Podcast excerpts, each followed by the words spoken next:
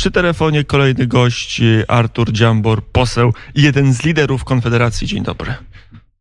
Dzień dobry panu, dzień dobry państwu. Obiecałem, że od złośliwości zacznę, nawet ujawniłem, jaka to będzie złośliwość. E, kilka dni temu siał pan poseł panikę w internecie, żebyśmy wszyscy wypłacali pieniądze z konta, bo nam zaraz rząd te pieniądze zabierze. Minęło kilka dni, ja sprawdziłem swoje konto, wszystko jest w porządku. Nie wiem, jak, u kon, jak na koncie pana posła. O, u mnie też w miarę w porządku, chociaż wydatki oczywiście są.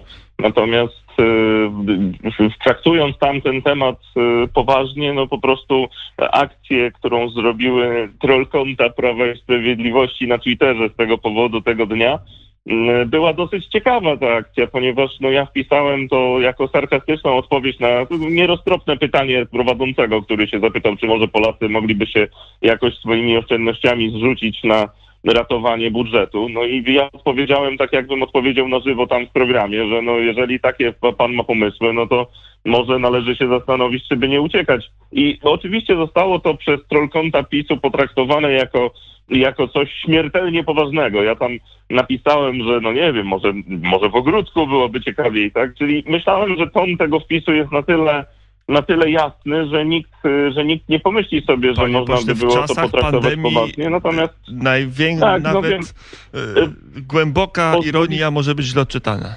Pozwoliłem sobie na brak emotikonek w tym wpisie, ponieważ wcześniej czytałem, że jak dodaję emotikonki, to to jest niepoważne i nie przystoi komuś po takiemu jak poseł, żeby dodawać jakieś uśmieszki. No to nie dodałem, no to poszło. Nieważne. Bo pan poseł jest młodzieżowy. Była straszna, ponieważ cały dzień to trwało i ostatecznie, no mówię, no chodziło o to, chodziło o to, że jednak no, nie należy w ogóle o tym myśleć. Zresztą e, później profesor Gwiazdowski taki tekst w Rzeczpospolitej napisał, no właśnie o tym, że oburzenie było, ponieważ, yy, ponieważ się pojawiła sugestia, że rząd mógłby coś zrobić z naszymi oszczędnościami. Na pytanie wtedy i pan profesor Gwiazdowski zapytał, a czy nie mógłby, ostatecznie czym jest podatek bankowy na przykład, ostatecznie czym, by, czym będzie się posługiwał rząd, jeżeli, jeżeli faktycznie będzie problem z budżetem? No będzie się posługiwał nowymi podatkami, może nie będzie to y, interwencja na naszych kontach taka bezpośrednia, że po prostu masz tyle, a jutro masz mniej, ponieważ rząd zabrał na ratowanie budżetu. No nie, ale, ale zrobią to dodatkowymi poukrywanymi podatkami, opłatami, dopłatami, daninami, y, funduszami i tak dalej. Tak? I to, to o to chodzi, że jednak rząd Prawa i Sprawiedliwości zajmuje się cały czas tym, jak tutaj wziąć, przemielić i potem oddać troszkę podpisując, że to od Prawa i Sprawiedliwości się dostało. Ostatnio czytałem badanie nad językiem w internecie i podobno młodzi, do których ja już niestety nie zaliczam, nie używają emotikonek, bo potrafią e, tak pisać, że ironia jest wyczuwalna, a, a my, a. stare pokolenie, musimy dodać buźkę z uśmieszkiem, żeby wiedzieć, o co nam chodzi w komunikacji internetowej. Tyle z lingwistyki współczesnej, a przejdźmy do współczesnej polityki. Jacek Sasin dzisiaj mówi, że wybory muszą się odbyć w terminie przewidzianym konstytucją, czyli 10 maja. Jaka jest odpowiedź Konfederacji na takie diktum? No, zgodnie z konstytucją i zgodnie z ustawą nawet, którą przegłosował sobie PiS e, o głosowaniu kopertowym, faktycznie wybory muszą odbyć się w maju. Nie muszą odbyć się 10, mogą odbyć się 17 albo 23, ponieważ to też jest jeszcze termin wchodzący w grę, jeżeli chodzi o spełnienie warunków konstytucyjnych. I prawdopodobnie dojdzie do takiego przesunięcia, ponieważ y, mają to wpisane w swoją tą ustawę o właśnie o głosowaniu kopertowym, że marszałek może ogłosić przesunięcie i najprawdopodobniej to zrobią, jeżeli Senat będzie zwlekał z pracą nad tą ustawą i zwróci ją faktycznie na ostatnią chwilę. Takie coś może się wydarzyć i wtedy, i wtedy y, będzie trzeba przesunąć tę datę wyborów tak czy siak e, te wybory nie powinny się odbywać w taki sposób, w jaki się odbywają teraz. Nie powinny być kopertowe to przede wszystkim.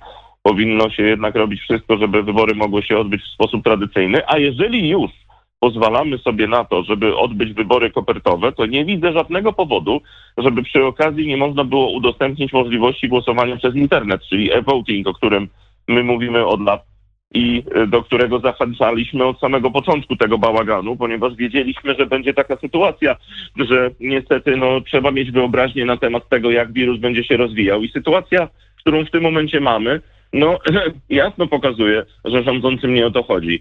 My proponowaliśmy e-voting po to, żeby właśnie ludzie nie musieli wychodzić z domu, jeżeli, nie, jeżeli potrafią obsłużyć internet i potrafią w ten sposób zagłosować, czyli najbezpieczniej jak się da. Oni oczywiście udają, że te koperty to będzie to bezpieczeństwo, Natomiast nikt nie zwrócił uwagi na to, że mm, w momencie, gdy my mamy głosowanie kopertowe zaraz, mm, a minister zdrowia mówi, że no tak będzie wyglądało nasze życie przez najbliższe dwa lata, ponieważ taki sobie czas określił na bezpieczeństwo zdrowotne względem wirusa mm, na wybory, no to przy okazji też oznajmił nam, że przez dwa lata nie będzie szkół, teatrów, uniwersytetów, kin, dyskotek, restauracji, tak? No bo to są wszystko miejsca dużo bardziej narażone na spotkania się dużych ilości ludzi, dużych liczb ludzi, e, w przeciwieństwie do komisji wyborczej, tak? E, panie pośle, e, dzisiaj rozpoczynają się szereg, a może jedna rozmowa e, Borysa Budki. Przed sekundą Tomasz Siemoniak, zastępca Borysa Budki we władzach Platformy, mówił, że to będzie jednak szereg spotkań z partiami i rządzącymi, i opozycyjnymi, tak aby rozsądnie przesunąć wybory. Jaka jest, jakie jest rozwiązanie Konfederacji na, na ten 10 maja?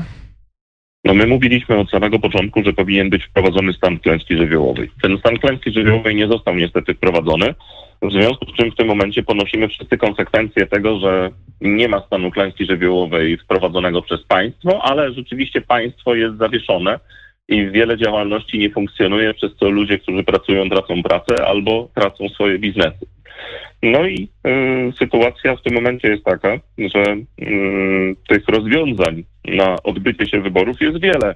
Najbardziej prawdopodobne jest oczywiście to, że Prawo i Sprawiedliwość, które rządzi, postawi na swoim, odbędzie wybory 10, 17, może 23 właśnie.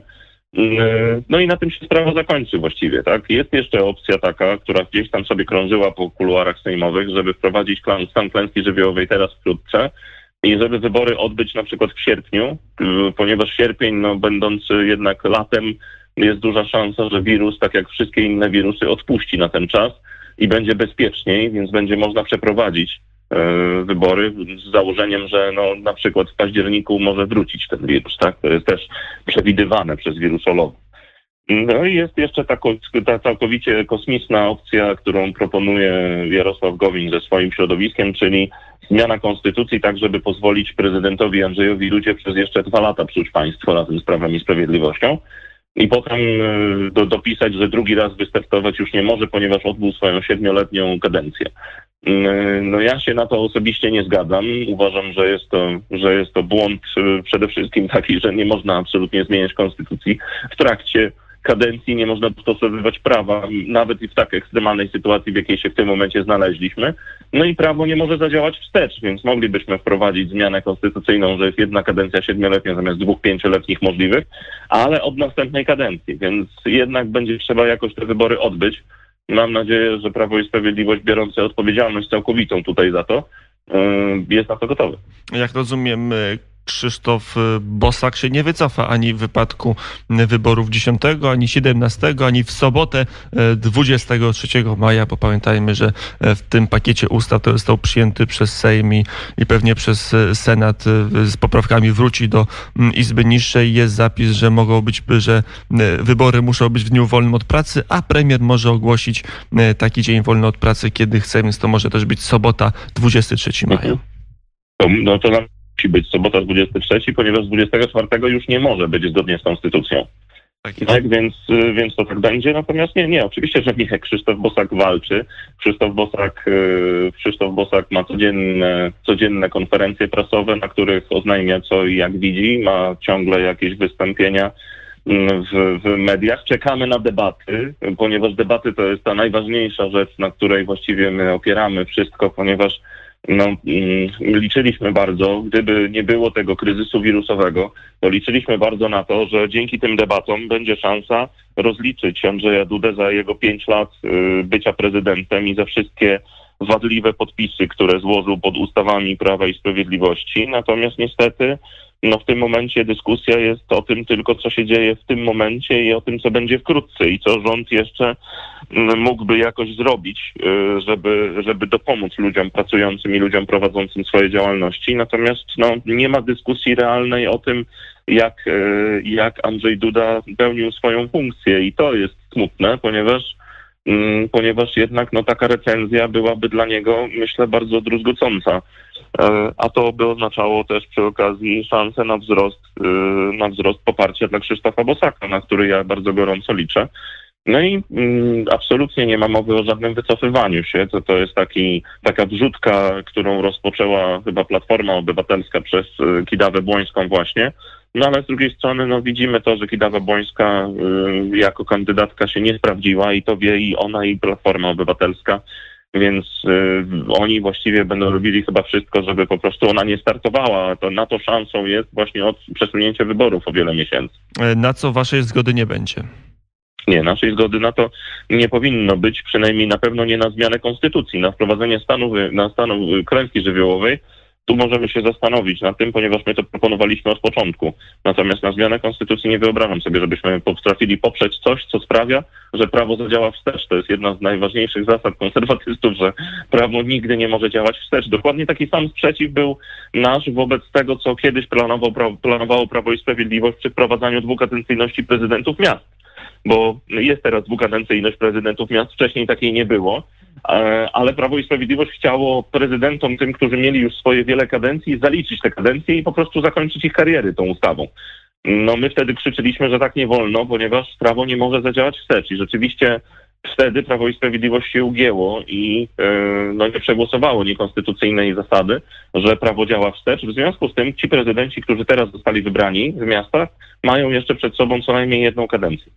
Jak pan, jak Konfederacja odczytuje ruch Jarosława Gowina, który rozpoczął rozmowę najpierw z Borysem mm, Budką? To jest początek końca koalicji e, rządzącej, czy, czy może szansa dla Konfederacji, aby do takiej koalicji dołączyć w tej kadencji? E, Jarosław Gowin ma z Platformą Obywatelską swoją bardzo długą historię. I y, nie ma się co dziwić, że jeżeli idzie na jakiekolwiek rozmowy, na których potrzebuje poparcia opozycji, żeby w ogóle cokolwiek móc zrobić, no to rozmawia z y, obecnie najliczniejszą partią opozycyjną w Sejmie, tak? To, to, to, to chyba stąd to wynika, że po pierwsze ma dobre kontakty, a po drugie, no jednak Platforma Obywatelska, Koalicja Obywatelska jest najliczniejszą obecnie grupą opozycyjną w Sejmie, tak? Bo tak to wynika, wyniknęło z wyniku wyborczego. Mm, natomiast nie podpisywałbym tego w żaden inny sposób, jeżeli chodzi o jakiekolwiek inne układy, układziki, ponieważ nie wierzę w to, że Platforma Obywatelska byłaby aż tak nieroztropna, żeby poprzeć zmianę konstytucyjną razem z Prawem i Sprawiedliwością w, w stanie mm, parawyjątkowym, w którym Prawo i Sprawiedliwość ma e, pełnię władzy, e, wręcz dyktatorskiej i może zrobić z tym, co zechce. Tak? Także no, no po prostu sobie zwyczajnie tego nie wyobrażam. Gościem radiowy Artur Dziambor, Konfederacja. Dopytam o, o tą podmianę. Wychodzi porozumienie w całości albo raczej w części, a do koalicji dołącza Konfederacja i rząd jest znacznie bardziej na prawo. Nie, no y, jeżeli chodzi o porozumienie, to też pokazało to głosowanie. To najważniejsze absolutnie głosowanie nad właśnie wyborami kopertowymi. E, pokazało, że porozumienie to nie jest jednolita partia i to nie jest monolit ludzi, którzy trzymają się z Jarosławem Gowinem, tylko to są ludzie, którzy wszyscy są tam w Prawie i Sprawiedliwości jednak, a to, że są przypisani do Jarosława Gowina, no to tak się zdarzyło, ale Jarosław Kaczyński będzie miał dla nich zawsze lepszą ofertę niż Jarosław Gowin i to też trzeba brać pod uwagę. Ostatecznie Jarosław Gowin został z sześcioma posłami, do których wielki szacunek, że się nie ugięli, natomiast pozostała dwunastka zagłosowała tak, jak Jarosław Kaczyński chciał. Ich deklaracje wcześniejsze i późniejsze, tylko, tylko niestety ich splamiły, ponieważ mogli no, przemilczeć przynajmniej, jeżeli już zamierzali w ten sposób zagrać, a zagrali bardzo nie w porządku, przez co mamy głosowanie kopertowe przegłosowane, a teraz to mogą sobie udawać, że są, że są jakkolwiek bohaterami jakichkolwiek możliwych zmian. No tak to się nie da. Poza jeżeli chodzi o, o zamianę, yy, zamianę porozumienia na Konfederacji, no to panie redaktorze, no, no, no, no nie ma o tym mówić. Tak? No, zadaję tylko pytanie, nie ma co się mm, oburzać, w końcu jesteście państwo Ja się nie oburzam, ja to z uśmiechem powiedziałem. E, e, też formacją, mm, no było, nie było konserwatywną i prawicową. A jak pokazało chociażby głosowanie w sprawie obrony życia, no to i Kośniak-Kamysz i cała Platforma no, głosowali inaczej niż Konfederacja w takich No tak, oczywiście, no, ale, ale to wynika z tego, że my podeszliśmy do sprawy pryncypialnie, podczas gdy reszta opozycji no, z, wiadomych, z wiadomych powodów nie jest po tej samej stronie. Natomiast Prawo i Sprawiedliwość zawiodło. Się tak trochę malował jeszcze rok temu, mówił, tak. że oczywiście trzeba um, powiększyć być może zakres ochrony życia. E, teraz głosował za odrzuceniem ustawy no tak. przeciwko aborcji eugenicznej w pierwszym czytaniu. No tak, no i a, a, najwięcej zawiodło to Prawo i Sprawiedliwość, które zdecydowało się puścić ten, ten, ten projekt do komisji, to znaczy puścić na...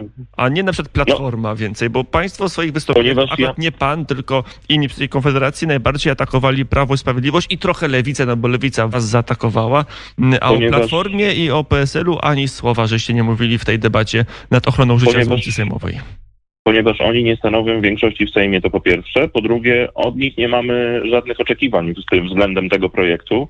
E, natomiast w przypadku Prawa i Sprawiedliwości, no Prawo i Sprawiedliwość e, szło do wyborów z hasłami pro-life y, i w związku z tym y, wymagamy od nich, żeby y, no, postawili się w głosowaniu tam, gdzie się stawiali w kampanii wyborczej. Tymczasem Prawo i Sprawiedliwość pozwoliło sobie zrobić taki myk, że oni niby popierają, żeby ta ustawa poszła dalej, czyli do komisji. To oznacza, że ta ustawa z tej komisji nigdy nie wyjdzie podczas gdy my, jak zaproponowaliśmy, żeby ta ustawa przeszła bez komisji, do, do, od razu do, do, do drugiego czytania w Sejmie, no to tam Prawo i Sprawiedliwość się podzieliło sprytnie i wystarczająco dużo głosów poszło na to, żeby jednak poszło do komisji Bo przeciwko może temu posłowie słuchają temu się Konfederacji i chcieli utrzymać proces legislacyjny porządny. No nie, no to, to można po prostu, komisję można po prostu ominąć, jeżeli jest taka wola. Natomiast tutaj tej woli nie ma ze strony Prawa i Sprawiedliwości, o czym my doskonale wiemy, ponieważ ich, ich konserwatyzm względem tego projektu jest bardzo często deklaratywny tylko. Taki projekt mm, może tak, być to... lepszy z takiej komisji. A, no to, ale to panie redaktorze, to panie redaktorze, to obaj będziemy pilnowali, żeby ten projekt z tej komisji wyszedł w tej kadencji. Ja się mogę z panem założyć, że nie wyjdzie. A ja się nie będę w tej sprawie zakładał. E, e, bo też e, chyba znam wynik pracy. 8.48 gościem poranka wnet był Artur Dziambor, poseł i lider, jeden z liderów Konfederacji Rzecz Jasna. Dziękuję bardzo za rozmowę i do usłyszenia. Dziękuję bardzo, miłego dnia. 8.48 to już powiedziałem. Teraz zagra i zaśpiewa Adam Struk.